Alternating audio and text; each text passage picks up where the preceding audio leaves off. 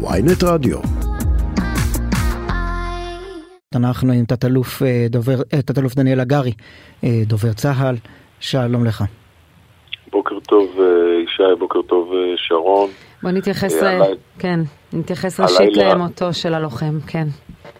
אז אכן הלילה כוחות צה"ל יצאו מג'נין, במהלך סיום המבצע הזה איבדנו לוחם, רב סמל דוד יהודה יצחק, זיכרונו לברכה, מבית אל.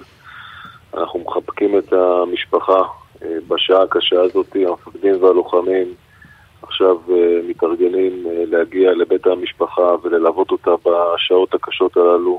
מה עם הפרטים שאתה יכול לתת לנו בשלב הזה על הרקע להרגתו? מאיזה ירי הוא נהרג? דוד לוחם ביחידת אגוז, יחידת אגוז פעלה באופן משמעותי מאוד במבצע הזה. יחידת אגוז פעלה בלב מחנה הפליטים, חתרה למגע, הייתה התקפית, נלחמה במחבלים, איתרה מטעני חבלה, נכנסה לתוך מסגד, מצאה מתחתיו מנהרות עם מטענים. דוד היה חלק מהכוחות האלה של יחידת אגוז. במהלך סיום המבצע, במהלך ניתוק המגע של הכוחות, לצערי דוד, זיכרונו לברכה, נפגע מירי. אנחנו מתחקרים את האירוע הזה, זה אזור לחימה מבצעי מורכב מאוד, ולצד המבצע המוצלח הזה שילמנו במחיר כבד מאוד. אנחנו לא יודעים מי ירה.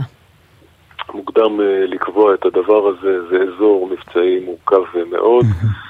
ואנחנו נלמד, נתחקר, בשלב הזה מה שחשוב זה לחבק את המשפחה ולעמוד לצידה. בהחלט.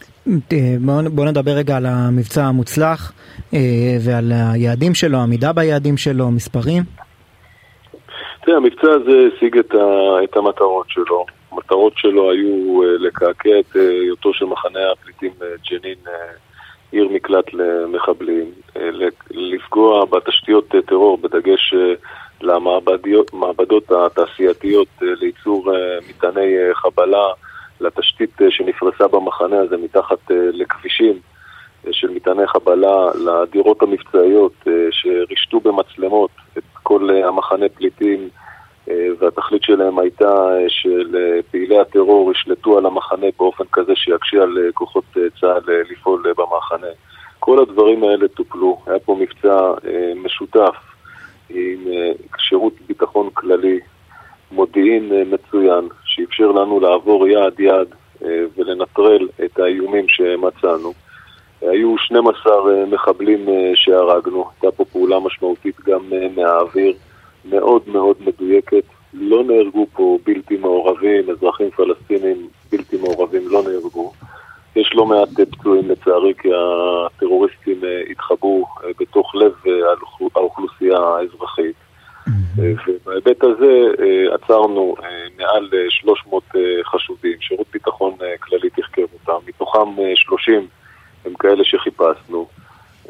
הרסנו והשמדנו מאות מטענים, נמצאו רובים, נשקים, תחמושות, כספים של טרור.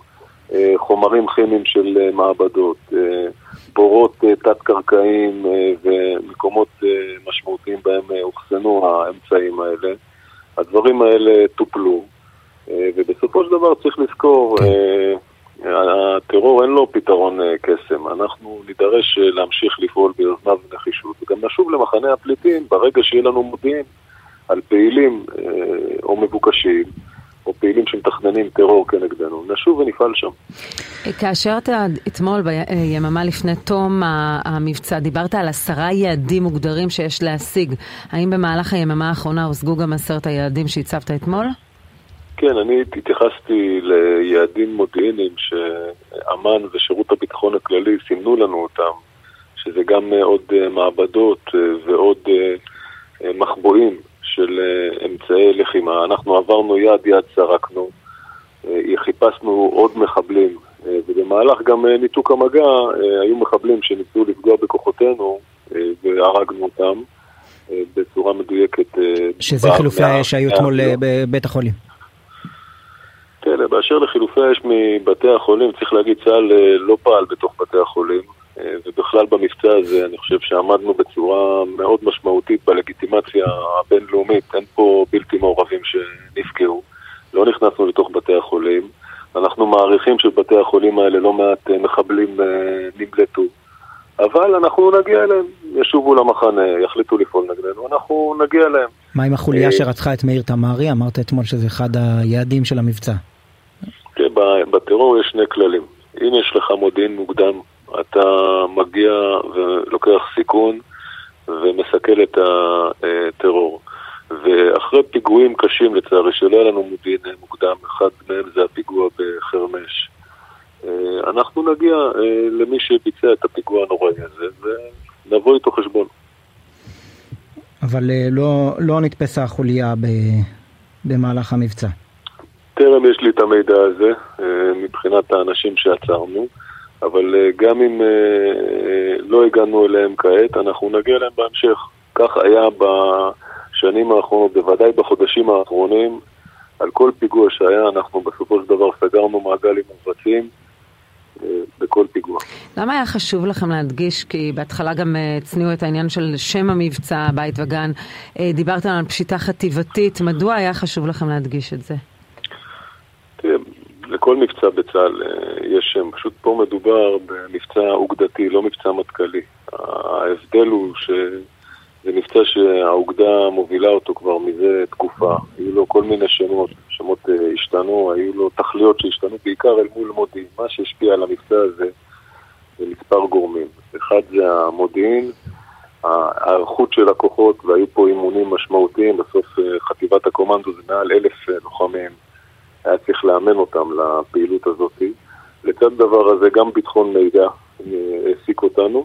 וגם uh, תנאים uh, מבצעיים של מזג האוויר, כי בסוף גם הייתה פה תקיפה אווירית משמעותית שהיוותה מרכיב והפתעה. שהיא תלוית מזג אוויר, כן. נכון, נכון. הכטמ"מים. הניסוי, אני לא יודעת אם זה ניסוי, אבל החלוקה של השטח לפי יחידות והעבודה של צה"ל ושב"כ ביחד זה דברים שהם בעצם הפכו להיות גם תרגול אולי לזירות אחרות? שיתוף, הביטחון, שיתוף הפעולה בין צה"ל לשירות הביטחון הכללי מביא תוצאות uh, מאוד טובות לעם ישראל, אני חושב שראו את זה גם במבצע מגן וחץ וגם uh, במבצע הזה הדבר הזה בא לידי ביטוי. אנחנו ממשיכים להעמיק את השותפות וגם uh, בשטח היו גם אנשי שירות ביטחון כללי יחד עם הכוחות והיה גם מודיעין טוב, יש פה מודיעין גם יוצא מן הכלל שנשען על היכולות של אגף המודיעין ושילוב מלא של כוחות שפועלים יחד עם אוויר, לוחמים מיחידות מובחרות, מפקדים בחזית. אזור מבצעי מאוד מאוד מורכב, מאוד צפוף, הרבה מחבלים. בסופו של דבר מגיעים להישגים מבצעיים, לא הורגים בלתי מעורבים, סורקים את היעדים. אני חושב שזה מעיד על, על תוצאה מבצעית טובה מאוד. יש לנו הרבה דברים לתחקר מהמבצע הזה, אבל יש לנו פה... תפרט לנו בבקשה, מה, מה אתם עומדים לתחקר? תראי, בסופו של דבר, גם כשדברים הם מוצלחים, צריך לתחקר וללמוד. השיתוף פעולה זה דרך התחקור השתפר. ואנחנו נלמד, כי בסופו של דבר הפעלת כוח בסדר גודל הזה של מבצע חטיבתי, זאת מבצע ראשון בהיקף הזה לחטיבת הקומנדו. היו פה שתי חטיבות, צריך להזכיר גם את חטיבת מנשה, של אלוף משנה אריק מויאל, שבסופו של דבר נותנת את המעטפת המבצעית ומבצעת פעילות מבצעית, הוא גם זה שבסופו של דבר הוציא את כל הכוחות החוצה מג'נין, והוא גם יחזור לבצע את כל המעצרים במחנה הפליטים או בכל נקודה אחרת בג'נין שנצטרך, אבל מבצע של שתי חטיבות, תיאום מלא, יש פה דברים לתחקר, הפעלת שיתוף פעולה עם חיל האוויר, שיתוף פעולה עם שירות הביטחון הכללי, יש פה הרבה דברים טובים לתחקר וצריך ללמוד ולהשתפר. תגיד, יש בצה"ל תוכניות למבצעים דומים גם בערים אחרות ביהודה ושומרון? אפשר להסתכל על הערים הפלסטיניות ולהביט על הדבר הבא, כמה הן שונות אחת מהשנייה, וחברון, רמאללה, ערים כלכליות שכל התנועה, דרך אגב, אתמול בערים הפלסטיניות, הייתה תנועה חופשית בסחר מלא, 120 אלף פועלים נכנסים לשטח מדינת ישראל לעבוד ומייצבים את הכלכלה הפלסטינית. גם מתוך ג'נין עצמה, העיר, יצאו אתמול למעלה מאלף פועלים לעבוד בתוך ישראל. כמה ג'נין העיר שונה מתוך ג'נין מחנה הפליטים. במחנה הפליטים מי ששלט זה הג'יהאד האיסלאמי והחמאס, ולא הרשות הפלסטינית. הם גם התנהגו באופן אה, אה, שמזכיר אה, אזורים פליליים גם אל מול הרשות הפלסטינית. אני מקווה שביום אחרי המבצע, הרשות הפלסטינית והמנגנונים ישלטו טוב יותר, גם במחנה הפליטים. לא, אבל מבצע כזה יכול לקרות, זו דרך הפעולה החדשה, יכול לקרות גם בשכם אם יהיה צורך?